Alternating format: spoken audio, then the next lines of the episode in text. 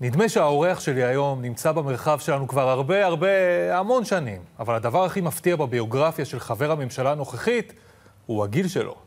עם כל הרעש, הסנסציות, האירועים השנויים במחלוקת וההישגים מסביב, מדובר באיש שהוא כולה בן 43, זהו.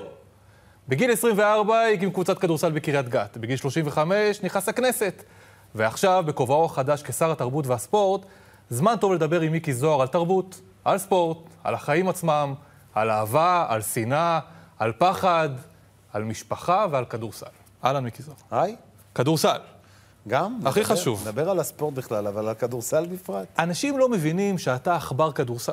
זה נכון. עדיין, אגב, עכבר כדורסל? עדיין עוקב, מסתכל, בודק אה, איזה שחקן אה, הגיע לארץ, מה הרפרטואר שלו, איפה הוא שיחק, באיזה ליגות, אז יאללה, בוא ממוצעים. נבדוק עד כמה אתה גם אל מבין תגזים, כדורסל, וואו, אני הרבה זמן אנחנו לא עושה נבדוק את את זה זה. עכשיו. בוא נראה מקווה. איזה מהלך, בוא נראה מהלך אוקיי. שאתה בטח מכיר. כן. הנה, מכבי תל אביב הגדולה, פארקר מקבל, ועכשיו אנחנו נראה את זה בסלואו מושן, ואתה תגיד לי מה הם עושים פה בהתקפה. אוקיי. אה, שים לב. אליופ, אליו, ואיך הוא מגיע? פארקר מגיע מהוויקס. תראה, תראה, תראה, תראה, אם- אה, אנחנו... אה, בקדור? עשו לו בקדור? לא? הנה, חסימת בקדור. כן, בקדור. יפה. שר הספורט הראשון, בעצם אולי גם זה הקודם, אבל... ראיתי אני- את הבקדור, אה? ראית את החסימת בקטור ואתה פיצחת את זה. אוקיי. אז אה, למי שלא יודע, מיקי זוהר הוא עכבר כדורסל לפני שהוא חיה פוליטית ולפני נכון. שהוא כל מיני דברים אחרים. זה נכון. הוא עכבר כדורסל, לדעתי אנחנו מוכנים להתחיל. יאללה. מתחילים. מיקי זוהר, חבר מועצת קריית גת, הוא הרוח החיה מאחורי קבוצת הכדורסל של העיר. זה דברים שאני מבחינתי חולם בלילה, מגשים ביום. קריית גת פספסה הזדמנות לעלות לליגת העל בכדורסל אחרי הפסד לקריית אתא, בסיום מהומה ואלימות בין אוהדי הקבוצות.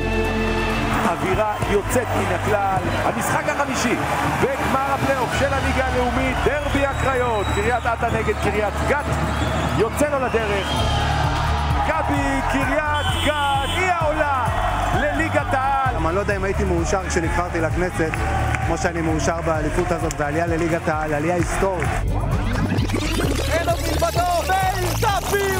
אבל הסיפור העצוב של היום הזה הוא הסיפור של קריית גת. קריית גת נושרת היום לליגה הלאומית.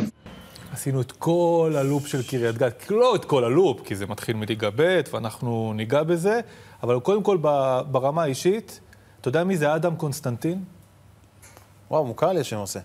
אני בדקתי את המיילים שלי, ואנחנו מחליפים בינינו מיילים לפני עשר שנים, ומתייעצים אם להחתים את אדם קונסטנטין בקריית גת. וואלה. כן. וואי, תראה מה זה. והגדול זה שלא החתמת אותו, הוא נפצע אחר כך וגמר את הקריירה. וואלה, זה קודם כל אחד המהלכים הטובים. טוב, מה שראיתי שם זה בעצם באמת משהו שהיה לפני הרבה שנים, עם עוד 20 קילו פחות לדעתי, ממה שאני נמצא היום. מה לעשות? צריך להגיד את האמת. כן. כן.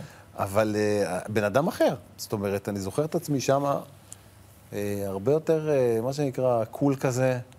פחות אה, בלחץ כל הזמן, נראה לי שהחיים שם היו יותר טובים. ממה אתה שהם היום. בלחץ כל הזמן? העבודה שלי היא עבודה נורא נורא סוחטת אה, גם רגשות וגם אנרגיות. אה, זה שונה ממה שהיה בעבר. אני חושב ששם באמת נהניתי כל יום מלקום בבוקר, ללכת לי לאימונים של הקבוצה, להביא שחקנים, לראות אותה מנצחת ומפסידה, לחכות למשחק כל השבוע, להגיע בטירוף, ל- לראות את הניצחונות. הקמת אותה בגיל 24. נכון, בגיל 24 למה באתי לראש הקמת? העיר. קודם כל הייתי משחק כדורסל, לא אוהב כדורסל, באיזשהו שלב הבנתי ששחקן אני כבר לא אהיה, אוקיי. אז אמרתי, יאללה, בוא נלך לנהל. אז בערך בגיל 24, ב-23 וחצי, הגעתי לראש העיר בקריית גת, אמרתי לו, תשמע, יש, אה, יש אה, צורך בקריית גת בקבוצת כדורסל, בוא נקים. כן, אבל למה? עזוב רגע, את, מהאהבה עזוב רגע למשחק. מה אמרת. למה אתה הקמת? זה בגלל מחשבה לעתיד, איזושהי פלטפורמה, לא, לא. להתקדם בה, זה הגיע ממקום של פוליטיקה? נטו אהבה לכדורסל. אה, אכ- אכפת היה לי שבקריית גת תהיה, במקום שאני גר בו וחי בו, קבוצה בליגה בכירה. עכשיו, מה, מה מצחיק? הוא שבגיל 24, כשהקמת קבוצה בליגה ב', אז ראיינו אותי, ל- ראיינו אותי לעיתון המקומי. אמרת ליגת העל. אמרו לי, מה אתה חושב שיקרה? אמרתי, אנחנו נגיע לליגת העל. בסדר, אבל זה מיקי זוהר. אנחנו מכירים הרבה מאוד נכון. שנים, זה תמיד אתה. אתה בא, אתה שם מטרה לא הגיונית, וכש... כן, מגיע ולפעמים זה אליה. יוצא, כן. לא, לא, תמיד יוצא. דרך תמיד אגב. יוצא. כשאני שם מטרות, גם לפעמים לא הגיוניות, לפעמים נשמעים לאח- לאנשים אחרים לא הגיוניות, זה בסוף באיזושהי צורה קורה. לפעמים זה גם נשמע שחצני. יכול להיות, אבל אני לא רואה את זה ככה. אני רואה את זה מהמקום של, אה, של הדרייב שלי. אם אני לא רואה איזשהו משהו שהוא קשה להשגה, אז פחות, אה, פחות עושה לי את זה. עכשיו, אתה לא בדיוק היית יושב ראש של הקבוצה, כלומר, היית יושב ראש בתואר, הייתי אבל הכל. בפועל אתה היית גם המנהל המקצועי. הייתי עכשיו, הכל. מנהל מקצועי, אני רוצה שאנחנו נסביר... דרך אגב, אתה יודע גם למה? למה? משום שאתה סירבת לבוא. בוא נגיד את האמת, בוא נחשוף פה ל- לצופים. אבל זו הייתה שנה אחת. כן. אתה קיבלת ממני כמה פעמים הצעות. נכון. דחית אותי פעם אחרי פעם. זו האמת. פעם. פעמיים. כן. אני זוכר את זה, דרך אגב. אתה רצית, אז היית באשדוד. נכון. היית מנהל מקצועי שם. אם אתה היית מגיע, לא היה מספיק כסף בקריית גת. לא, עמ- לא עמדנו ב- ב- בעלויות הכספיות בהתאם להצעה, אבל אם אתה היית מגיע, קר בחשבון שהיינו במקום אחר גם. אבל אתה באמת היית מנהל מקצועי. עכשיו בואו, מנהל מקצועי ברמה הזאת, שכשאני שואל אותך מקודם לגבי עכבר, אתה שתיים בלילה מח- מסתובב ביורו-בסקט, שזה האתר שדרכו מחפשים שחקנים, ומנהל שיחות עם המאמנ- המאמנים שלך ומוצא שחקנים מאיסלנד. המאמנים, עם הסוכנים ועם השחקנים, וויל האריס, דוגמה נהדרת. אני עולה לליגה לאומית, ואני אומר, טוב, אני צריך עכשיו להביא זר. עכשיו מציעים לי כל מיני זרים וזה, לא, לא מתרגש ממה שהם מציעים לי. אני הולך, עושה באמת מחקר, יורו-בסקט, נכנס לליגות מקבילות לליגה שנייה. נכנס לליגה דנית. ליגה דנית, שהיא ליגה כביכול מול ליגה לאומית, היא יחסית ליגה טובה. אני מסתכל, אני רואה שחקן שני ברשימת הקלעים, וויל האריס, 29 נקודות למשחק. אמרתי, זה נראה לי משהו מעניין, התחלתי לחקור עליו, עושה עליו ממש חקירת עומק, מגיע לסוכן שלו, מדבר עם, אה, עם אנשים ש, שהוא שיחק אצלהם, קולג'ים, ליגה שנייה באיטליה, מביא אותו לארץ, מחתים אותו בגרושים, סכום, אני חושב, של 4,000 דולר לחודש. הבן אדם, כל המשחקי אימון, 30 נקודות למשחק. אתה רוקד. אני אומר, זהו, זכיתי בפיס, אני, עולה, אני, אני כנראה עולה ליגת העל. מה שקורה, משחק ראשון, הפועל תל אביב גביע. אנחנו בעיטה, ב- ב- במשחק מטורף בקריית גת, פול האוס, כל הקהל מגיע, מגיעים איתם לשתי הערכות, בסוף אנחנו מפסידים את המשחק. דרך אגב, זה המשחק שהביא את יוני ניר אחר כך לקריית גת. ואז הוא אומר, "כ- כואב לי. הוא בא אליי בסוף המשחק, אומר לי, מיסטר, אה, I don't feel good in my knee, let's check it. אני אומר, טוב, כנראה זה משהו קטן, נלך לבדוק. אני הולך, גמר את העונה. אחרי זה גם פצע את הברך השנייה, ירדנו ליגה באותה שנה. כל העונה התחרבנה, סליחה על המינוחים. מותר. ה- לא, זה... הכל נהרס, וירדנו ליגה באותה שנה, ואחר כך עלינו עוד פעם. אבל בכלל, אה, קבלת החלטות, ושוב, אנחנו, אנחנו גם מכירים וגם מכירים מהענף, קצת גמבלר, מחליט בשנייה אחת, טה-טה-טה, מנתח את המצב, לא, מה- לא דחיין. ההחלטות שלי היו מאוד לא מהירות. מהסס, כן. מחליט ישר, הולך עם העניין, נניח ל, אה, בעונה שאתם עולים ליגה, אין לכם רכז, נכון, ואתה אומר, לא נחתים רכז. ייפול מישהו. נכון. המאמן שלך משתגע, כולם לחוצים, אתה אומר, עזבו, לא צריך להחתים. ויצא, אתה זוכר את זה, אה? ליאור ליפשיץ, אתה זוכר את זה, אה? ברור. גם עשינו תחקיר. אז ככה. גם בזמנו, כשדיברנו רכז לא רכז, בתקופת ה... תקופת הזמן הזו כבר התחילו להבין שפליימקר אחד, טבעי, הוא כבר לא הדבר ה- המקובל. כבר היום כל, ה... כל, ה... כל הגארדים יכולים לשחק גם אחד, גם שתיים, ובדרך כלל מביאים קומבו, אחד ושתיים. אז גם אנחנו הלכנו לכיוון הזה אז, ואני מדבר איתך עכשיו, אתה מסתכל עליי. לא, ו- זה גאד, זה- תשמע, אתה מבין, אני אני מנסה לזכר שאני מדבר פה עם שר. כן, כן. אבל אוקיי, אבל מדבר כדורסל איתי על אני, קומבו. הכדורסל אני מבין, וזו האמת. אני לא יודע אם ברמה שלך שי עם כל זאת, אבל עדיין, ה- העולם של הכדורסל השתנה. העולם של הכדורסל השתנה, והיום עמדת האחד, כפי שהייתה בעבר, נגיד חן ליפין. שנגיד, אתה לא רואה קבוצה בלי חן ליפין, כן? היום זה כבר פחות. היום קבוצות יכולות לשחק. דני עבדיה ב-NBA לא מוביל כדור? מוביל כדור, והוא שחקן שיכול לשחק בכלל small forward או power forward. אז אני אומר, זה דברים שאתה מבין שעולם הכדורסל שינה טיפה. מוביל הכדור היום זה לא המיין איבנט בתוך משחק כדורסל. הוא חשוב, אבל לא כמו פעם. אז אוקיי. גם בתקופה הזאת זיהינו את זה. משחק העלייה לליגת על, אתה חבר כנסת כבר בשלב נכון, הזה. הייתי חייב לשבת על הספסל. אתה יושב על במשחק הספסל. הזה. התעקשתי. עם מיקרופון, אצלנו התעקשתי. בח- כן, בחמישיות. בשבילי זו הייתה סגירת מעגל, כן. סלח לי, עם כל הכבוד לניצחונות הליכוד והמחנה הלאומי וזה, זה הרגע המאושר שלך מחוץ למשפחה בקריירה. כן, בקריירה באותה עת, זו הייתה רגע, זה רגע יותר מאושר אפילו מה, מה, מהבחירה שלי לכנסת. ממש ככה. ת, תבין דבר אחד, בא בחור בן 24, ב- בקריית גת, מקים קבוצה מכלום. הלכתי לשחק בליגה ב' ובליגה א' ובליגה ארצית, ושופטים, אלוהים ישמור שקיבלנו שם. שופטים זה בעיה. זה קשה, מיקי, צריך- בליגות האלה. ב- שופטים אם אתה בכלל לא- זה בעיה. אם אתה לא מחייך אליו בתחילת המשחק, אין לך סיכוי לנצח. נכון. עכשיו, אתה, אתה, אתה, אתה, עובר, אתה עובר כאילו את כל המשימות האלה, את כל התהליכים האלה. בסוף, הקבוצה מגיעה לליגת העל, מקריית גת.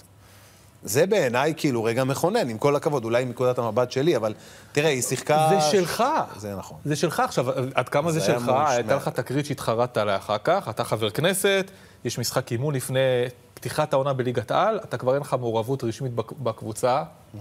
רשמית. אין, אין, אין, לא הייתה מעורבות רשמית. רשמית. גם לא רשמית, לא הייתה. עזוב אותך, רשמית. היו שואלים אותי, התייצאתי, אבל... בסדר, שואלים וזה, ואתה נכנס, חוטפים בראש במשחק אימון, אתה נכנס כחבר כנסת לחדר הלבשה ומפרק אותם. טעות חמורה. אבל תיקנו, מאז לא נכנסתי לחדר הלבשה, כי זה ישר דלף לתקשורת. שמע, אני אגיד לך משהו. אתן לך דוגמה, לא יודע, אני מנסה לחשוב על איזשהו משהו. אתה חלק ממשהו. אתה הקמת את זה. זה שלך, אתה לא חלק. אתה מביא, כן, ממש, כן, ואתה מגיע לאיזשהם הצלחות, ואתה רואה את זה נכשל, אתה רוצה לעשות משהו. עכשיו, אתה מנוע, כי אתה חבר כנסת, מה, אתה לא יכול לדבר עם שחקנים, אתה לא יכול לדבר עם המאמן, אז אתה נמצא בסיטואציה מאוד מאוד בעייתית, ואז כאילו, באיזשהו שלב אמרתי... אתה איבדת חי- את לא, אתה חייב להתנתק. אמרתי, כאילו, אתה בחרת בחירה, אתה הולך לחיים הציבוריים, נכון שזה שלך, הקבוצה עומדת לרדת ליגה, המצב שם קשה, אבל אם אתה לא תעשה את הניתוק הרגשי הזה, אתה תסבך את עצמך. ואז באמת, אה, בצער רב, ניתקתי את עצמי. אגב- ואגב, הקבוצה ירדה ליגה. נכון. אני לא יודע אם זה קשור אליי או זה לא, אבל... לא רק שהיא ירדה אבל ליגה, היא ירדה ליגה. היא ירדה ליגה והתפרקה. נכון. אין קבוצה. פרקה לגמרי. אנחנו עכשיו בשאלון קצר, יהיה לנו שני שאלונים, אחד בהתחלה ואחד בסוף. אנחנו קוראים לזה שאלון של איסט. כלומר, דברים שזה, שאל- שאלות, קצר, שאלות קצרות, תשובות קצרות. טוב. אתה אגואיסט? כשחקן הייתי אגואיסט. כן, שמעתי. כשחקן הייתי אגואיסט. בוא נגיד ככה, אה, תמיד סומך רק על עצמי. אם אני, אם עכשיו נגיד עכשיו אנחנו משחקים עם החבר'ה, ועכשיו יש סל מכריע. אני חייב לקחת את הכדור, לנסות לא לעשות מוסר, כפוליטיקאי אתה את זה. לא אגואיסט? מוסר, פוליטיקאי לא, שחקן שחקן קבוצתי. קבוצתי, כן. רפורמיסט? מאמין בשינויים? אה, כן. כלומר, אה, כל מקום שאני בא, אני חייב לעשות שינוי. אם אני לא עושה שינוי, אני לא צריך מרגיש. לעדכן. אוקיי. לא, לא, אם אני מגיע למקום, ואני מרגיש שזה אותו הדבר כמו שהייתי קודם, אין לי מה לבוא למקום הזה. קפיטליסט? כן. שוק חופשי. כן, אבל יש לי גם ערכים סוציאל-דמוקרטיים. זכויות עובדים. זה קצת שמאל וימין ביחד. זה- כן, אמרתי את זה כמה פעמים, יש נכון. אתה איש ערבוב. מרכז? לא, אני איש ימין, אבל יש ערבוב בין, ב- ב- בנושאים הכלכליים, בין העמדות שמאל וימין אצלי, למשל, זכויות עובדים מאוד חשוב לי. אה, כל מיני בקיצור, דברים כאלה. אתה יודע ל- לרקוד על שתי החתונות. אה, לפעמים, אני... הבנתי. אופטימיסט? מאוד. מילד- אופטימיסט אה, קיצוני הייתי מגדיר את זה. אה, אפילו. אה, משהו שלא נגמר באיסט, אתה נקמן? בכלל לא. אתה זוכר את אלה שפגעו בך? לא. רוצה להחזיר להם? לא, אימפולסיבי? מאוד. עדיין. עובד על זה כל הזמן, לשפר את העניין הזה. והיום אתה אימפולסיבי עדיין? הרבה פחות מפעם, אבל בדיפולט שלי, ב-DNA שלי, אני אדם אימפולסיבי. צריך ל- ל- לשפר את זה. אני עובד על זה, אגב, נראה לי לא רע גם. איך אתה עובד על זה? נושמים לפני שהם מוציאים משהו מהפה, סופרים עד עשר. בוא נגיד ככה, אם היית רואה אותי ב- במשחק כדורסל של הקבוצה שלי, אה, ושופט כאילו שורק שריקה, זה- מאבד את זה. נאבד את זה, כן. מורחק. הורחקתי אפילו פעם, פעמיים. כן. מחובר. היום כבר לא. א- אנרכיסט? לא, לא. לא. יאללה, בוא נעבור הלאה. ערב טוב לחברי הכנסת מיקי זוהר ואוסנת מארק שיצאו מהקפאה ממושכת. נכון. שלום לחבר הכנסת ויושב-ראש הקואליציה מיקי זוהר. חבר הכנסת מיקי זוהר, אתה יכול להיות אה, רגוע, זה סתם המצאות, זה לא באמת. תגיד, זה מעליב? קצת, בזמן אמת זה העליב אותך? בזמן אמת זה הפריע לי, כן. כי תראה, פרודיה תמיד אה, טבעה להקצין את הדברים. זאת אומרת, גם אם אתה עושה נגיד פעולה כלשהי שהיא לא חיובית, אז לוקחים אותה ומקצינים אותה, כדי שהיא תהפוך להיות גם מצחיקה, לא רק מעצבנת. כן. הרי הם לא לוקחים את הדברים החיוביים שאתה עושה, הם דברים שליליים. לא מצחיק. זה אמור לעצבן, זה לא מצחיק בעיקרון, אז כדי שזה יהיה מצחיק, לוקחים את זה באופן פרודי ועושים את זה באופן קיצוני. אז זה קצת מבאס, אבל תראה, זה החיים שאני חי אותם. כן, אבל אני אגיד לך מה, מה מעניין מהעניין הזה, וזה רלוונטי לאימפולסיביות ודברים של התחלה, שלא לקחו לקיצון את זה שאתה כאילו יוצא מדעתך ו- וזה, לקחו לקיצון שאתה אהבל. עכשיו, ה- מי, מי שמכיר את מיקי זוהר, אומר, אוקיי, בסדר, אפשר להגיד עליו כל מיני דברים, והוא היה רוקי, והוא היה זה, והוא היה מול- מושגים מעולם הכדורסל, אבל זה ה-180. עכשיו, זה לא טמטם אותך שיש אנשים שהמקור מידע שלהם זה ארץ נהדרת, שחושבים, אוקיי, פה מדובר באיש שהוא לא כזה חכם. תראה, קודם כל, ברור שבתחילת הקדנציה אתה מגיע מקריית גת, מהפריפריה, אתה מזרחי, אתה צעיר, מקטלגים אותך. באופן אוטומטי קטלגו אותי כמישהו לא חכם. עכשיו, זה קשור לפריפריה? זה קשור קשור להכל. למזרחי? זה קשור, כן. יש, יש אצלנו תוויות שמדביקים לאנשים במדינה, וזה דבר עצוב, אגב, זה לא רק אצלי, זה אצל הרבה מאוד אנשים. אבל רגע, מה ההבדל בינינו? אני, אני, אבל לא, אני אסביר אני- לך. אני מאשדוד, אבא שלי היה עובד- עובד עירייה, מהרגע גם שאתה אביך אוזמן, היה. לעולם לא יקטלגו אותך אה? אז- אה, כבן אז אדם לא חכם. א- א- אני נשוי לפרסייה, הילדים אבל זה לא שלי, אז משנה, אני ישראל הראשונה אני- ואתה אני- השנייה? אני- קודם כל, לצערי, צריך להגיד את האמת, מסתכלים עליי כמישהו שמגיע מישראל השנייה, ואותי זה מבאס, אבל אין מה לעשות, בסוף יקטלגו אותך. אבל יש, ב- עכשיו עזוב, אני יש אגיד יש לך, אני אענה ישראל לך. השנייה? אני חושב שזה הולך ומצטמצם עם השנים. אוקיי. אבל בסוף, כשמקטלגים אותך באופן הזה, כשאתה מגיע לתחילת קדנציה, קודם כל חובת ההוכחה עליך, אתה צריך להוכיח שאתה לא כזה. כי זה לא שנותנים לך את הקרדיט מההתחלה. עכשיו, ברור, כשאתה נכנס, צעיר, בן 35, אתה רוצה לבלוט, אני אתן לך דוגמה. עשיתי את מפת ההטבות בפריפריה. כל אזרח בנגב קיבל אה, כמה אלפי שקלים בנטו, בנטו שלו בשכר. מישהו כתב על זה? מישהו ציין את זה? מישהו דיווח את זה? אחד מהדברים הגדולים שנעשו למען הנגב. אבל מה כן מציינים? מציינים את הפרובוקציות, את הדברים הקיצוניים. עכשיו, ברגע שאתה נמצא אתה מיתמם, בסיטואציה מיקי. אה, הזאת... לא, אני לא מיתמם. ברור שאתה מיתמם. זו אתה, המציאות, אה. מה? בגלל שאתה כל כך מתוחכם, אתה משתמש, ב- השתמשת בתקשורת בצורה מתוחכמת, ו- ואתה ייצרת את הפרובוקציות האלה, בין נכון. היתר לחזק את עצמך גם אז בבייס. אני אומר לך, זה נכון. אני לא, אז זה אני לא לא מכחיש. שאתה באת נאיבי, אמרת מה הם עושים, אז זה לי", בדיוק אתה העניין. שיחקת איתם. הם הציגו אותי כטיפש, בזמן שאני עשיתי להם בית ספר, זו האמת. זה האמת. אבל מה הנקודה היא? כן. הנקודה היא שאתה גם משלם מחירים, שעושים עליך את הפרודיות האלה, ושמציגים אותך, זה גם גובה ממך מחיר. עכשיו, ברור שכל הדברים שנאמרים לפעמים על ידי, רוב המקרים הם מתוכננים, ויש מקרים שלא. בטח בהתחלה. בטח בהתחלה. אבל בסוף, אם אתה מסתכל על זה כמכלול, אתה מבין שכדי להיות איפה שאני נמצא היום, הייתי צריך לעבור את הדרך הזאת. הייתי צריך גם לעורר פרובוקציות. הייתי צריך גם ל- להביא את זה למצב שכולם ידעו מי זה מיקי זוהר. כי תן לי אחרת, לא פרובוקציה אחת שעוררת במכוון, ואנשים לא יודעים. יש אחת שאני יודע שהיא נעשתה לא במכוון, לא, ואני מתחרט עליה עד היום. עם הגברת גולדין. כן, זה אירוע שדרך אגב, עד היום אני אוכל את עצמי שהוא קרה. אגב, אתה רוצה לשמוע את הסיפור בקצרה? בטח. אומרים לי, יש בוועדה לביקורת המדינה אירוע עם נתניהו, תוקפים אותו שם. אתה הרוטוויילר שלו. אז הייתי חייב ללכת להגן, כן? עכשיו, אני נכנס לחדר הוועדה, ואני רואה שתוקפים אותו. ואז מדברת הגברת גולדין, אני נשבע לך שבאותם רגעים לא זיהיתי אותה. לא ידעתי שהיא אימא של אדם. כי לא ראיתי אותה עדיין. אז היא לא הייתה מוכרת כמו שהיא מוכרת היום.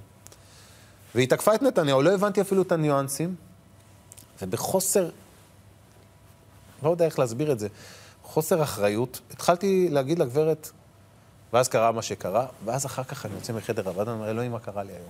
עכשיו, אלו דברים שקרו למשל לא מתוכנן. זה רע, אבל תן לי פרובוקציה שאנחנו לא יודעים שאתה שיחקת איתם.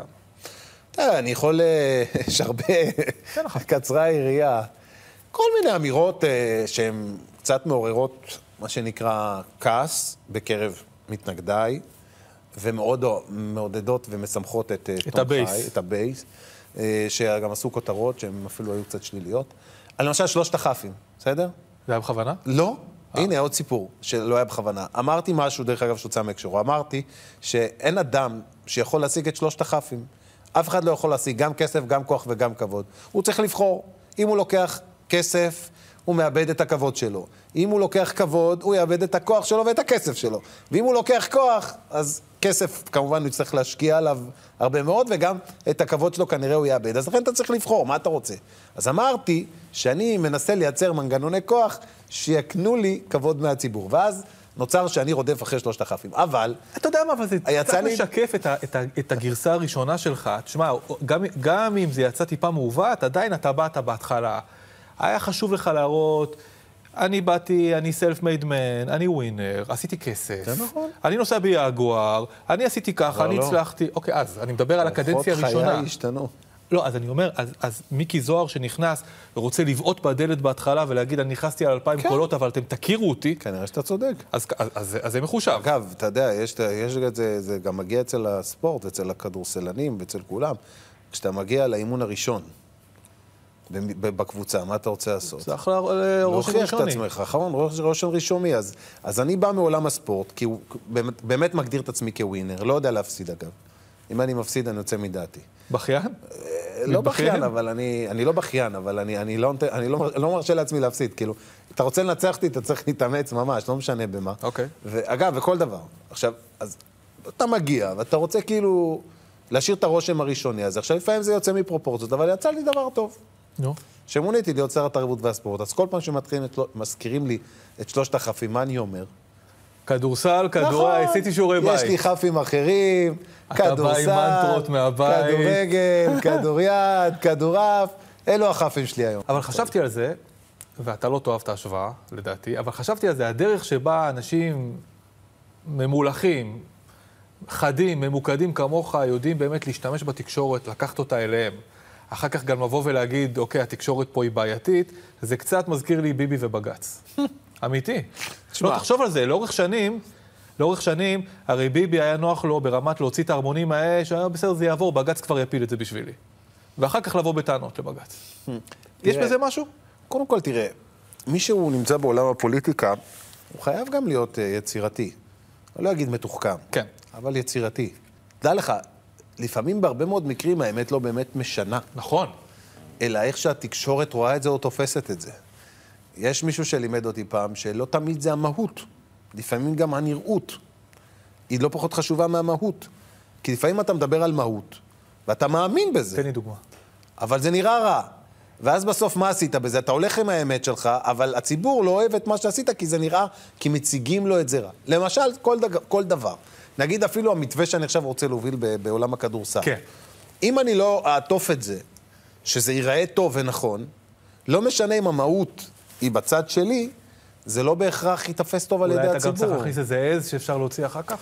אז אם זה תמיד טוב, אבל, אבל זה לא, לא בהכרח אה, משהו שהוא זה שייצב תודעתית את הדבר. אז איך- איך עטפת לנו את זה כדי שזה יהיה לנו יותר קל? אל כל- תגלה.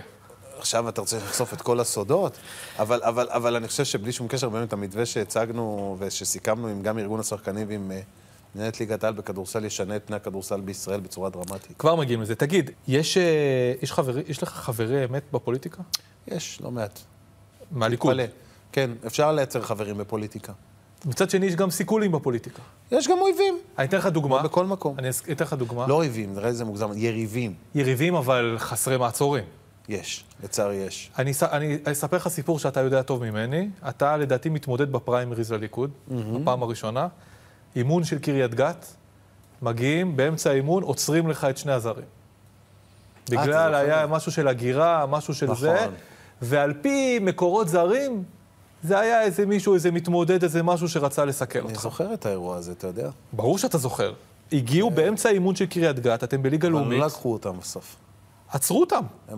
אתה שחררת אותם. לקחו אותם ושחררנו אותם, כן. ו- ומישהו היה אחראי על זה. היה מי שהלך להלשין, כן. פוליטיקה. אני מניח שזה קשור לזה, כן. עצוב. מה אה? זה? אנשים רעים, אה? יש קצת. אנשים רעים. מישהו בא, ניסה לחסל אותך פוליטית. כן, הוא ניסה, אבל הוא לא הצליח. לא הצליח. הנה אני פה, עכשיו הוא לא הצליח. והיה אולי עוד מישהו שניסה לחסל אותך פוליטית, זה סיפור מנדלבליט. אתה, בר- ברעיון המפורסם, כן. אתה בא, אתה אומר דברים שהם אה, גבוליים, אה, גבוליים, ובאים ו- ועוצרים. מה זה לא עוצרים? עוצרים. קוראים- קוראים- קוראים לך לחקירה. חכו, אי אפשר לעצור אותי כחבר כנסת. ברור, אבל קוראים לך לחקירה. חקרו אותי על זה, כן, כמה שעות במשטרה, אבל התיק נסגר. אבל בעיניך זה גם היה ניסיון סיכול? או כן. רק ניסיון כן. להגיד לך תירגע? גם וגם. זאת אומרת, אם היה יוצא מזה כתב אישום, אז בשמחה היו מגישים אותו, אבל ברגע שהלכתי לחקירה ואמרתי להם שאתם מדברים שטויות, והפרחתי את ה- כל התיאוריות, אז התיק הזה נסגר. אבל תראה, אנחנו חיים בעולם מורכב. אנחנו, כשרצינו לעשות את הרפורמה המשפטית, שמן הסתם יש כמה שמתנגדים אליה, כמה? חצי מעם ישראל, כן. משהו כזה. זה- אתה יודע, אגב, זה חצי תומכים וחצי לא רוצים. שתדע. לגמרי. זה בדיוק הסיפור, זה הקרע הגדול. אנחנו הפנמנו כבר מזמן שיש עוצמת יתר בידי הרשות השופטת. אנחנו לא רוצים לפרק את הרשות השופטת, אנחנו לא רוצים להחליש אותה. אנחנו רוצים לגרום לה להיות מאוזנת יותר. וזה מה שלא הצלחנו להסביר טוב לציבור, בגלל זה אנחנו רואים את המחאות. כי יש מי שחושב שאנחנו רוצים לפרק את המערכת. כי יש או אצלכם להשמיד כאלה אותה. שרוצים לפרק את אבל אנחנו לא, האנשים האחראים. יש לכם כמה שרוצים לפרק. אותה. נתניהו לא רוצה לפרק אותה, אוקיי. יריב לוין לא רוצה לפרק אותה. רוטמן לא רוצה לפרק אותה? אני, אני מדבר בשם הליכודניקים. דיברנו על רפורמה, אנחנו עוד נחזור אליה. דיברנו על אה, פרקליטות ודיברנו על משטרה, עכשיו אנחנו רוצים פרק של ספורט, אבל בהיבט של האלימות. יש פה מכות עכשיו, יש פה אלימות.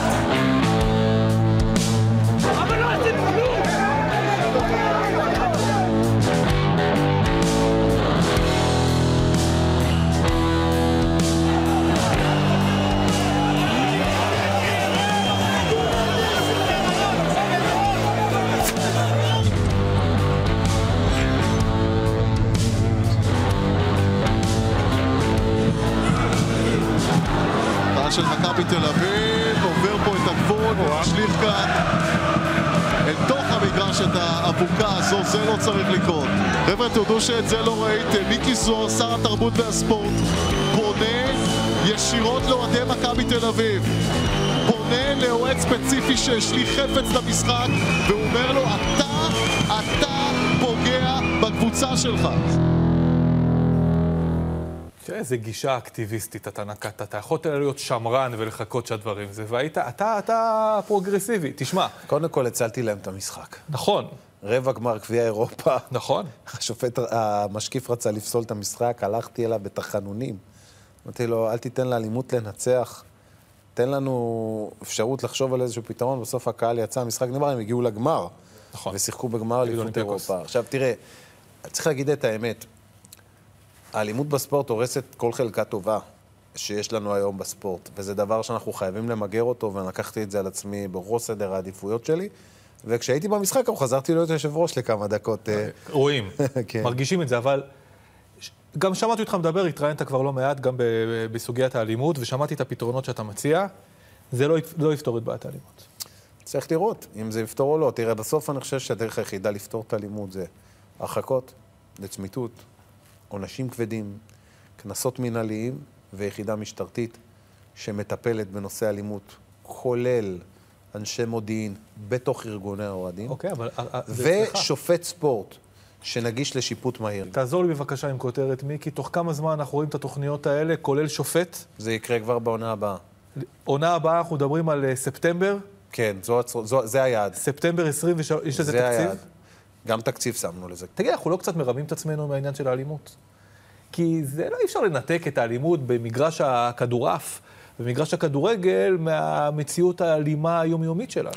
קודם כל, ברור שאי אפשר לנתק את הדברים, אבל אני חושב שמה שקרה בשנים האחרונות, נוצרה תרבות ספורט מסוימת שאלימות היא מנת חלקה. מה הכוונה?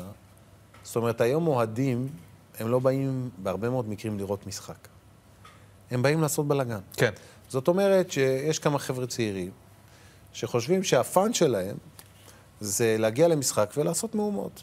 לזרוק את החזיזים, או את האבוקות, או לריב מכות, או לקלל, או לגדף. זו הפכה להיות תרבות. האלימות הפכה להיות תרבות. את התרבות קשה לשנות. וזה ואתה לא דבר- יכול לשנות. זה דבר, אני אגיד לך משהו. קודם כל, אנחנו נשתמש ביכולות המשטרה ובמודיעין שלה. לאתר את אלו שמובילים את התהליכים האלה, להכניס אותם למאסר לכמה שנים טובות. אני חושב שאנשים יחשבו טוב טוב אם הם ירצו עוד פעם להיכנס לתוך עולם האלימות בספורט, כי יש לא מעט כאלו, ואת זה אנחנו צריכים למגר. בוא נעשה וי על עוד משהו שאתה כבר התייחסת אליו בתוכניות קודמות, רק בוא נעשה וי. הסיפור הזה של אה, כדורגל בשבת... לא מתערב. לא מתערב. אני אתה לא כאוהד של מכבי תל אביב כדורגל, אתה נסעת בשבת לראות את מכבי תל אביב משחקת. נכון. פעם. נכון. אני לא אתערב, קודם כל, בהחלטות מקצועיות של המינהלת ושל ההתאחדות. זה לא, זה לא מתפקידי. עכשיו, מה לי מפריע? לי מפריע שבכל פעם שהאירוע מתקיים בשבת, אז 30 אחוז מהציבור לא יכולים לראות אותו. כן ולא, מיקי. כי אנחנו שמפריע ראינו לי. ביתר ירושלים נושאת הדגל. כן, בהרבה נכון. בחינות. היה משחק בשבת והגיעו קהלים שלא יכולים אני להגיע יודע, בדרך כלל, הגיעו ואני חיילים. יודע, ולכן, לכן, לכן... אתה נוסע בשבת, מיקי? אני לא נוסע בשבת, אבל זה לא קשור. אני מסתכל על הדברים, ובסוף אתה רואה שזה לוז-לוז, ולפעמים גם ווין-ווין. בהרבה מאוד מקרים, הרבה מאוד נהנים. גם וגם. וגם מפסידים. עכשיו, הלוואי שאנו יכולים למצוא את הפתרון האידיאלי, שבו באמת אנשים יוכלו כולם לבוא וליהנות ממשחקים. אה, ולכן כרגע אין את הפתרון הזה, צריך להגיד את האמת. אז בזה אנחנו לא נוגעים. בואו נדבר עכשיו על הרפורמה. הרפורמה שחשובה לנו, הרפורמה בכדורסל. אמ, אגב, אני רוצה גם בכדורגל, אני רוצ... צריך לעשות ישיבה בקרוב עם אבל בוא שינוי נתחיל- זוארץ ועם ארץ כלפון, ואני מקווה שגם שם נעשה שינוי גדול. בואו נתחיל עם הרפורמה בכדורסל. הרבה כסף שאתה מצליח לגייס, שאתה מצליח לגייס מהמשרד, ממקומות- ממקורות תקציבים אחרים, שנועד לייצר מצב שבו קבוצות ישאפו לשחק עם ארבעה זרים בלבד, והזרים עצמם יוכלו להיות איכותיים יותר. מאוד. ככה יהיו יותר דקות משחק לישראלים, נכון. וזרים יותר איכותיים, כשהכול מבוסס על כסף שאתה מביא. כולל גם ליגיונרים שיחזרו ארצה. אוקיי, אין יותר מדי ליגיונר, אבל הכסף מה שיש, הזה... הכסף- למה, למה אני צריך שזוסמן ו- ובלאט ישחקו באלווה ברלין? למה שלא ישחקו בישראל? עכשיו, השאלה שלי, קודם כל, אה, כמה תוספת, לא כמה סך הכל, כמה תוספת זה אמור לייצר לכל קבוצה? דה פקטו שישה מיליון שקל. זה all in all. הכל ביחד, כן. כ- וכמה זה תוספת מלעומת המצב הקיים? נראה לי עוד ארבעה. וזה משהו שמגיע בתקציב? תראה, בעיקרון, ה- הסיפור הוא כזה. אני שומע ששחקן בשם גרין, ששחק בחולון, עוזב את חולון ועובר לבודדשנוסט. אני אומר, למה? למה יש- שחקן... זר. זר, בוחר בבוג'צ'נוסט ולא ביש, ב, ב, בחולון בישראל? זאת אומרת, תבין, זה כאילו... רק נגיד ארי גרין, שהיה אוקיי. בחור... ארי גרין, כן. אני אומר, למה? זאת אומרת, זה לא נתפס לי הגיוני. ואז אני מבין מה קרה. מה שקרה בשנים האחרונות זה שהליגות הישראליות, הם צמחו, אבל לא בקצב ששאר אירופה והעולם צמחו. זאת אומרת, אירופה והעולם צמחו מבחינת הכסף שלהם והתקציבים שלהם. ישראל נשארה די במקום הרבה מאוד שנים. שישה וחצי מיליון שקל תקציב מינימום בכדורסל, שדרך אגב, הוא כבר הרבה מאוד שנים ככה, ואין מעוף. יש שתי קבוצות, או שלוש, או שלוש, או ארבעה, ארבע קבוצות, שכן מביאות כסף נוסף, אם זה הפועל תל אביב, חולון, תל אביב השנייה, מכבי תל אביב והפועל ירושלים, שאר הקבוצות נורא מתקשות להביא כסף. רוב הקבוצות נסמכות ונשענות על הרשות המוניציפלית, אין מה לעשות, גם קריית גת הייתה כזאת. מיקי, אבל זאת בדיוק הבעיה. אתה יודע, יש רפורמות שנכון... שהתחושה היא שהן סוג של קונסנזוס, ואז מגיע שר אחר. אני אגיד לך איך אני למדתי בחיים אתה שאני יכול מתאמן. מחר יקפיצו אותך להיות שר בוא, אני הביטחון. אומר לך איך זה עובד, מניסיון. עכשיו אני נותן את הכסף, ויש לנו שנה הבאה ליגה מטורפת. ואני גם אומר לך, תראה, תזכור מה אני אומר לך. תהיה שנה הבאה ליגה שלא לא יכירו בישראל. אתה גם בעד פטור אה, ממס לזרים. כן, אני אסביר לך, אם תרצה אני אפרט בשמחה את כל התוכנית. בבקשה. אבל תזכור מה אני אומר לך, שאתה איש כדורסל. כן. בעונה הבאה אתה תגיד, זו לא ליגה ישראלית. אתה תגיד, זו ליגה אחרת ממה שאני מכיר פה. אתם תראו את זה. ברשותך, אני עושה קפיצה למשהו אחר. ברק בכר בימים אלה מת, אה, מתלבט אם להישאר במכבי חיפה או ללכת לכוכב האדום בלגרד. אם אתה עכשיו לא שר התרבות והספורט, אם אתה עכשיו היועץ שלו, מה אתה מציע לו לעשות? וואו, זה באמת אה, דילמה קשה. אה, מצד אחד, אה, זו התקדמות כלכלית מאוד גדולה מבחינתו, אני בטוח. גם האדון יותר גדול, לא? המועדון הוא, הוא גדול, אבל הוא לא בסדר גודל הכי גדול באירופה, הוא בממוצע, בוא נגיד, ב, ב, ב, ב, בכל- ב, בין המועמדים, הוא לא מהמועדונים הכי גדולים באירופה, נכון. הוא מועדון ממוצע נכון. בינוני באירופה.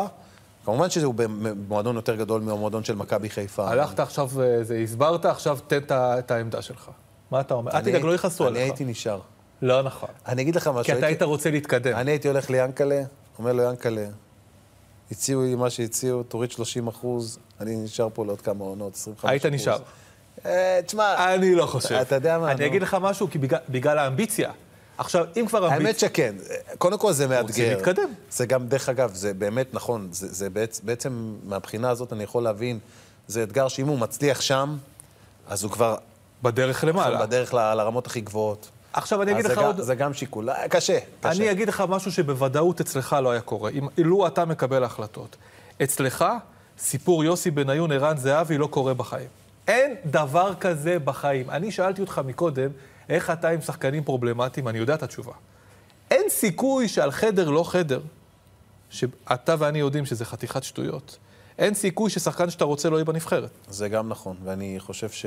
תראה, לא התערבתי בסוגיה הזאת, ושקלתי. שואל את דעתך. שקלת? שקלתי, כן. כי, כי... אבל זה נראה לי too much, עם כל הכבוד, אני לא יכול להיכנס לרזולוציות מקצועיות, מה צריך להיות בנבחרת הזה, ואז בסוף העדפתי לא להתערב. אבל אנחנו מפסידים בגדול מזה שערן לא בנבחרת, ואני חושב שראו ראו את זה במשחקים, אין לנו גולרים. אין מי שמסיים. וערן היה יכול לעשות עבודה נהדרת, והיה יכול לעזור לנו, אה, ואני חושב שבסוף ה- הסיטואציה הזאת היא סיטואציה שהיא יותר מדי קטנונית, מכדי באמת לפגוע בנבחרת. אם אתה שואל אותי, אה, אני חושב שצריך לפתור את האירוע הזה. אה, ללכת ולשים את ערן בחדר יחד עם יוסי בניון ועם אה, חזן, ולהגיד להם, חבר'ה, תקראו לנו שהסתדרתם. אין אופציה אחרת. יש זמן. אגב, עד זה לח- מה שאנחנו עושים גם עכשיו ברפורמה המשפטית. ב- בדיוק, אבל בוא נלך לבית הנשיא. יש זמן עכשיו... אז לבית יושב ראש ההתאחדות. יש זמן עכשיו, שינו זוארץ אומר שהוא לא מתכוון להתערב, עד- אם אני... זה- אה, אי אפשר אבל- לדעת עוד מה אבל יעשה לך יש שינו. תקשורת עם, אה, אוקיי, לא, עם מי שאתה בוחר מהאנשים האלה. עכשיו יש זמן לחלון הבא, אולי תרים טלפון. לא להתערב, להציע. אני שוקל את זה, בכנות רבה, כי מפריע לי מה שקורה, כי הנבחרת חייבת לעלות ליורו. זו צריכה להיות המשימה הכי חשובה שלנו ב- בכל מה שקשור לעולם הכדורגל. והיא יכולה. והיא יכולה, וגם אנג- אנדורה עשו תיקו עם, אה, עם קוסובו. עם קוסובו, אז זה גם, אה, איך אומרים, נותן עוד איזשהו אוויר. אבל בואו נבוא מוכנים למשחקים הבאים, בואו נבוא וננצח. יש לנו משחק אה, בקוסובו, יהיה מאוד קשה. שווייץ פה בארץ אפשר לקחת נקודות. אז, צריך אז- לבוא מוכנים, ולא לדבר- לא לזלזל כמובן בקבוצות האחרות. גם יש עוד קבוצות טובות מאוד בבית הזה, שזה לא יהיה נורא פשוט לנצח אותן וגם להביא איתן נקודות. אז צריך, צריך אה, לעשות עבודה. מיקי, שאלתי אותך מקודם, וכיוונתי לפה, שאלתי אותך מקודם, אתה, אתה מסמן מטרה, אתה לא רואה ימינה ושמאלה ומתעלם מרעשי הרקע. בנבחרת ישראל צריכים להיות השחקנים הכי טובים, נכון? חד משמעית. אז דיה סבא, סבא, דיה למה לא סבא. בנבחרת? נכון. אז, אז איך עושים? צריך להביא את כולם. אצילי? אצילי גם אה, צריך להיות בנבחרת. עם כל ה... תראה, הייתה לו פרשה, בסדר. חבר'ה, אני אומר ככה, לא נעים, לא פשוט. אם אנחנו לא נדע גם כחברה, גם לסלוח וגם אה, לקבל מקרים כאלו ואחרים, יהיה לנו יותר קשה. עכשיו, אני לא מצדיק שום דבר, אבל אני כן אומר שאנחנו צריכים לדעת גם להכיל ולסלוח ולוותר פה ושם במקרים מסוימים. אה, יש עוד שחקנים טובים, גם אה, מונס דבור, שהוא שחקן טוב, יכול להתנצל על מה שהוא אמר, לבוא ולהגיד, אני מחויב למדינת ישראל ומכבד את המדינה שלנו, ואני רוצה לחזור לנבחרת. בסוף אנחנו חייבים לעשות את הכי טוב בשביל המדינה, גם אם אנחנו לא מסכימים על הכל, ואני חושב שכרגע, אם אתה לוקח את הנבחרת הזאת, תייצר הרכב שהוא לא בנבחרת היום, עם ישראלים, יכול להיות שזאת תהיה נבחרת לא פחות טובה ממה שיש לנו היום, וזה ממש חבל. כי אם היית מחבר את הכל ביחד, אתה רואה שיש פה, יכולה להיות פה נבחרת ממש ממש חזקה. לי אישית זה מפריע. דיברת קצת על המדינה, וברשותך, אז נזוז טיפה הצידה מ- מ- מההתעסקות הישירה בספורט. אני רוצה לספר לך משהו. אני מספר לאנשים, כש, כשזה עולה, אה, אה, מיקי זוהר חבר שלי. Hmm. אני רואה בך חבר, ואתה יודע שאנשים שאני אוהב, שומעים את זה, אומרים לי, אמור לי מי חבריך. ואני מודאג, כמו כולנו. אני מודאג. תראה, הקרע שיש היום בעם ישראל, הוא כבר הפך למסוכן. יש שנאת אחים, צריך להגיד את האמת, ואני באופן אישי מטיף על זה מבוקר עד ערב, די לשנאת אחים, די לשנאת אחים. כי אין דרך אחרת מלבד זה שנסתדר פה אחד עם השנייה, כי אנחנו חיים במדינה אחת עם גורל משותף. מה שהחזיק את עם ישראל לאורך כל השנים זה הרעות והערבות ההדדית. כשזה יצא מהמשוואה, עם ישראל שילם. אני מסכים, את אבל המחירים היקרים והגבוהים ביותר. אנחנו לא לקראת החג ההוא. אנחנו חייבים לעשות שינוי. אנחנו לא לקראת החג ההוא, אבל זה, מה שקורה עכשיו זה זמן לא רע לחשבון נפש, וכל אחד צריך לעשות עם עצמו. איפה החלק שלך פה? איזה דברים אתה... אני כבר הרבה מאוד זמן...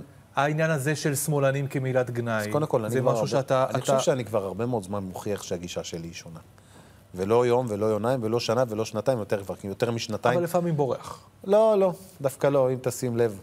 אתה תראה שאני סופר מכבד, ומדבר עם אנשים בצורה מכובדת, גם אם אני לא מסכים איתם. ואני רואה שאתה דואג, אתה יודע, ואני- נראה פה ציוצים שלך מהזמן האחרון, אני בטוויטר ואני עוקב אחריך, והציוצים שלך, שהיו בסדר, ציוצים פוליטיים וכל מיני כאלה, כל הציוץ הזה Mm, שמחקת... נפל על ה- בפייק ניוז, זה נכון. כן, לא חשוב. אבל הציוצים האלה, אחים אנחנו, ו- ואולי אנחנו נראה תכף למה לפיד שונא אותנו, אני רואה בזה ציוצי מצוקה. נכון. זה כבר לא ציוצים מתנשאים לפעמים שיש לפוליטיקאים, וניצחנו אתכם, ומי אתם בכלל, וכל מיני כאלה. אה, מ- משהו, משהו נשבר. משהו, משהו נשבר. אני מרגיש שאולי זה, זה זמן ל- לראות איך אנחנו משנים. כשאני אומר אצלך, אני מתכוון למחנה שלך. תשמע, אני זוכר שלפני בערך שלוש שנים, שנתיים וחצי, הייתי יו"ר קואליציה, וקמתי בבוקר עם מיקי החדש, כולם שומעים אותה, מיקי החדש. עשית סוויץ', למרות שאני לא... לא מי שמכיר קשה אותי, לקנות את מי זה. שמכיר אותי בבין אישי יודע שזה מי שאני באמת. אוקיי.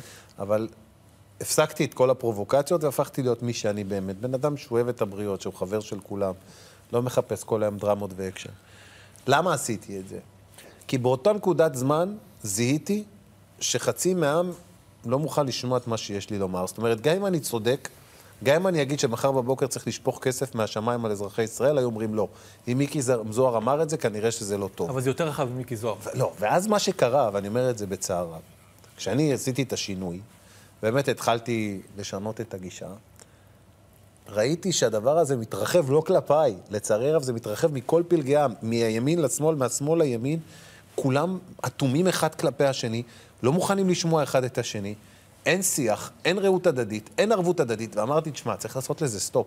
כי בסוף, אם אני מנהיג, ואני מחזיק מעצמי כמי שאמור להוביל את ישראל קדימה... אתה מדבר על עצמך במושגים של יורש עתידי. אני לא מדבר על עצמי עזוב במושגים אותך. כאלה, לא, לא, בעתיד, באמת ב- שלא. בעתיד הרחוק. באמת- באמת שלא, אני, אני לא יודע, באמת, אני עוד צעיר, ואני לא רוצה בכלל אז לתכנן כשתהיה קדימה פחות יותר צעיר. מדי.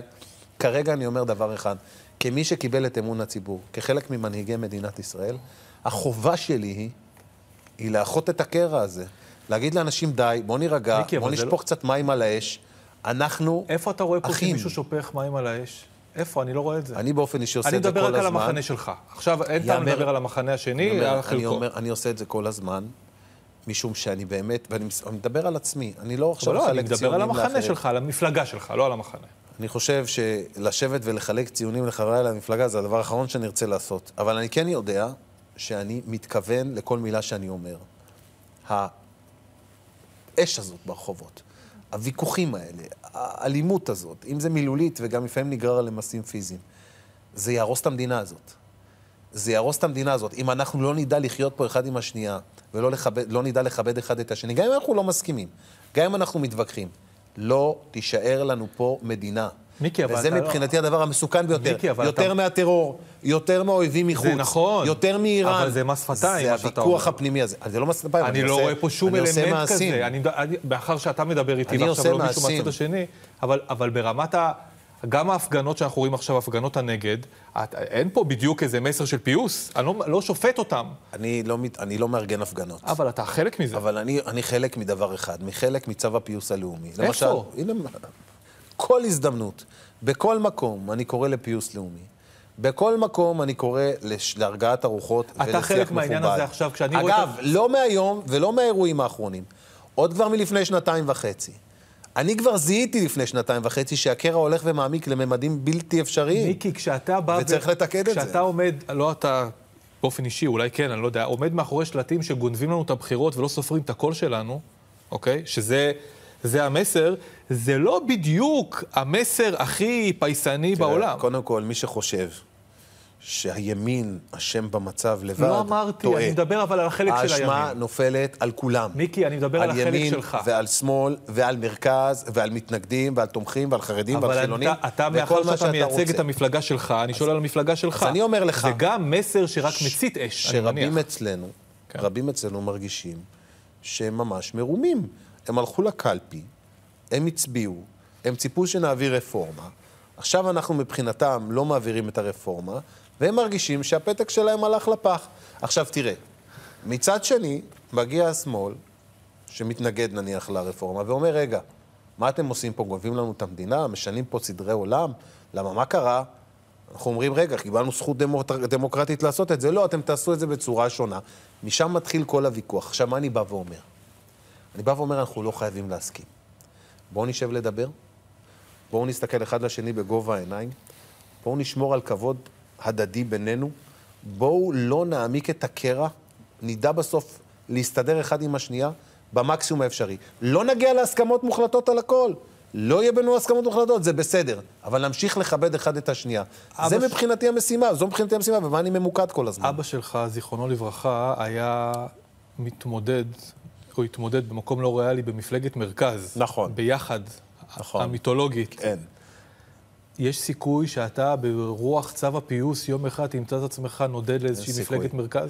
אני נולדתי ואני אמות בליכוד. אנחנו בפרק אחרון, הכי חשוב, פרק משפחה. זה מתחיל מאבא שלי, זיכרונו לברכה. בגיל 29 הוא נהרג בתאונת דרכים, אז הוא לא הספיק להשלים את המשימות, ואני גדלתי על הסיפורים האלה.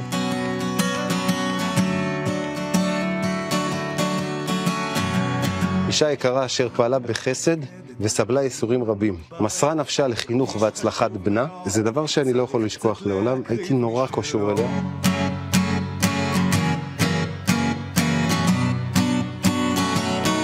המציאות פה משתנה, החלטות על מדינה, הכל בהמתנה. אשתי לא אוהבת פוליטיקה בכלל. היא אפילו, אה, שיגידו, סולדת מפוליטיקה. תראי, אין הרבה מה לעשות.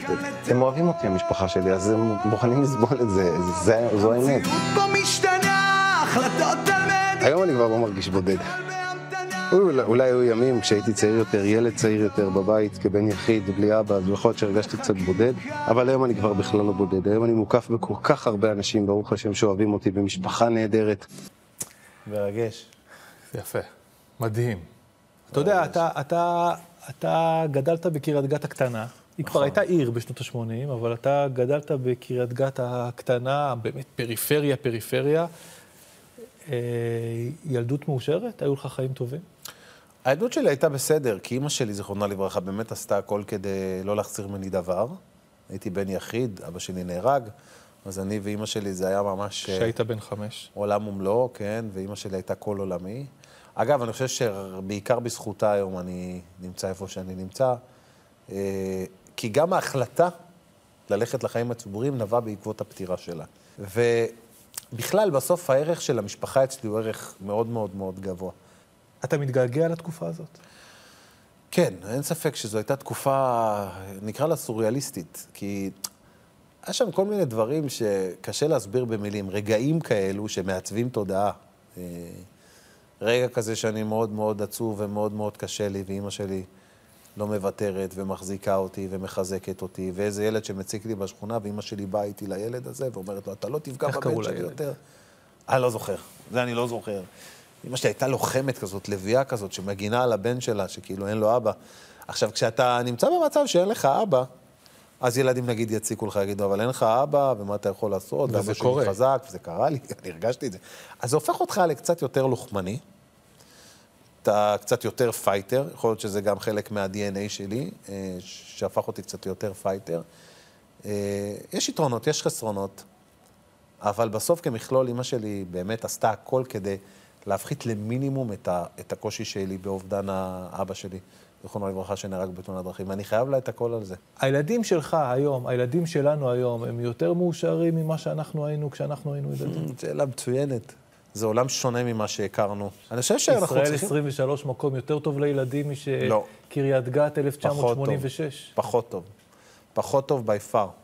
ככל שהזמן חולף, העולם נהיה יותר קשוח, יותר תובעני, יותר שונא. יותר אה, מסוכן. כועס, יותר שונא, יותר מתווכח. אין מה לעשות. זה המציאות שאנחנו חיים בה, וצריכים להתאים את עצמנו. מציאות אליה, פחות טובה. לצערנו. לא תאמין, שאלון לסיום. שאלון לסיום? אמיתי, שאלון לסיום. וואו, זה נראה לי שזה היה... צ'יק צ'אק, שתי כן, דקות צ'יק היינו. צ'אק. מי צריך היה לדעתך לזכות בפרס ישראל אה, ספורט? אה, וואי, אתה מסבך אותי עם שאלה קשה. זה היה לי קורזיץ או אריק זאבי, לא? או ענת דרייגו. ענת דרייגו, איזה שחקנית כדורסל אגדית היא הייתה. קודם כל, איך יכול להיות שלא בחרו בכלל? היא הייתה כדורסלנית ענקית, כן. אני אני הייתי רואה את המשחקים שלה. גדולה מכולן. כן, אני אני אגיד לך את האמת, שלושתם. אבל אם זה מישהו היה צריך תלוי בי, לבחור. זה הבעיה. בסוף זו נראה לי הבעיה, שאתה אבל- פוליטיקאי. אבל- אבל- אבל מזל שזה לא היה בא לפתחי. מתן אדלסון. משפחת אדלסון אתה מכיר? כן. מכיר את מתן? את מתן לא מכיר אישית, אבל שמעתי שהוא מכר את הפועל ירושלים. יביא אותה ליורוליג? לדעתי כן. אחד שמבין בנדל"ן, מחירי הדירות ירדו, כדאי לקנות עכשיו או למכור? להחזיק. איזה כדורסל אתה אוהב יותר, של ג'יקיץ' או של לא קטש? אה, האמת היא ש... של קטש. קטש זה יותר run and gun, הרבה מהירות, משחק מהיר יותר. זיקיץ', ראית- אה, לא יודע, לא לא ראיתי הרבה משחקים פה בירושלים, אה, אבל ראיתי. בקיצור, איזה כדורסל אתה אוהב ראיתי יותר, שם- התקפי או הגנתי? זאת השאלה. כמובן שהתקפי. זיקיץ' זה הרבה סט גיים, אני לא טועה. נכון. אני לא יודע, אני אוהב את הרן and gun, זה- זה יותר עושה לי את זה במשחק. טיקן רולים מהירים, זה דברים שיותר כיפים. בדברי ימי ההיסטוריה, מי ייזכר כראש ממשלה גדול יותר, בגין או ביבי? וואו, שאלה ענקית. לזה אנחנו מסיימים, אז תן תשובה טובה. וואו, שאלת שאלה קשה, קשה לענות על זה. אתה יודע לענות. אתה יודע מתי נדע? כן, בעוד 20 שנה. אבל מה אתה חושב? מה אני חושב? כן, מה שאני חושב זה לא אובייקטיבי. אני מפלגה של ביבי, ברור שאני אגיד ביבי. אבל, אבל בגין היה מנהיג דגול, והיה לו דברים שאגב, אני רואה אותו והוא מודל לחיקוי בהרבה מאוד פרמטרים, אבל אנחנו נדע רק בעוד איזה 20 שנה. אחרי שביבי יסיים, 20 שנה לפחות, נניח. ברור. אז אני אומר, אז באמת אפשר לעשות את זה בפרספקטיבה יותר רחבה, ואז לבחור. אז כשהוא יסיים, אתה תשמע. לא, רגע, רגע. אתה יודע עוד כמה משימות יש לי בתרבות וספורט? מיקי זוהר, תודה רבה. תודה רבה, להתראות. וזה שורף לי חזק מבפנים